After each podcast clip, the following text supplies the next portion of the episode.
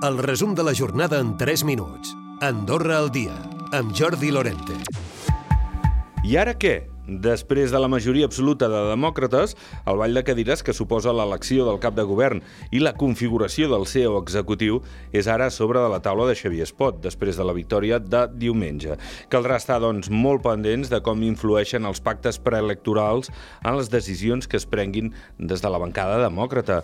Ho explica el politòleg Ivan Lara. No tenim un document públic que, en, que ens expliqui com anaven aquests pactes, eh, poden canviar després en funció dels resultats. I ara veurem com s'ho cobra cadascú o com s'intenta fer cobrar. El Consell General s'ha de reunir en sessió constitutiva 15 dies després de les eleccions, tenint en compte els festius de Setmana Santa, això seria el 26 d'abril.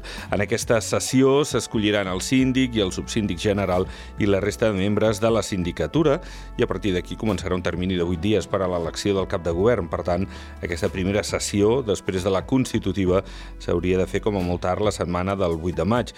Previsiblement podria ser ja el dia 9 quan no han passat doncs, pràcticament ni 24 hores des que es van conèixer els resultats definitius de les eleccions, Concòrdia encara no ha assumit el paper que li tocarà fer a partir d'ara. Donaran suport a una investidura a Xavier Espot, Cerny Escalé, el cap de llista en parla. La resposta més natural jo crec és que no, eh? Però en tot cas ho comentarem amb la resta de companyes i companys. Som un partit que és molt democràtic internament, tenim una assemblea que ha de prendre decisions com aquesta, per tant, ho sometrem a l'assemblea. Ara, jo penso que si um, Demòcrates per Andorra investeja uh, Xavi Espot i a més a més amb una majoria suficient, el nostre rol és el d'oposició en aquests quatre anys. La inflació dona un respir. L'IPC baixa el mes de març més d'un punt percentual, se situa al 6,3%. La xifra avançada és més elevada que el 3,3 d'Espanya i el 5,6 de França. Segons estadística, aquesta davallada es deu a la disminució del cost del transport i l'electricitat. I els bancs van tancar el 2022 amb un benefici de 113 milions, amb un increment del 16%, en un any marcat per la inflació i la pujada dels tipus d'interès per part del Banc Central Europeu des de la l'Associació de Bancs es creu que els resultats mostren que el sistema és sostenible i rendible.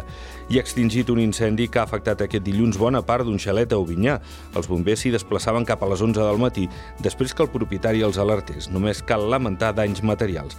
El cap de guàrdia dels bombers, Mar Roger, explicava que s'hi van trobar. Desconeixem els, els inicis i l'indici del foc o, o poder donar una previsió de moment ens és impossible. Sí que és veritat que la, ha sigut a la part alta, podríem dir de la tercera planta del xalet en amunt, i que l'afectació ha sigut eh, el més important a dalt i al teulat. I hi ha preocupació a Càritas perquè la meitat dels usuaris que tenen és gent sola. Acostumen a ser persones sense vincles familiars, sentimentals o d'amistat que els puguin ajudar quan tenen problemes. Es tracta de persones, sobretot de 45 a 65 anys.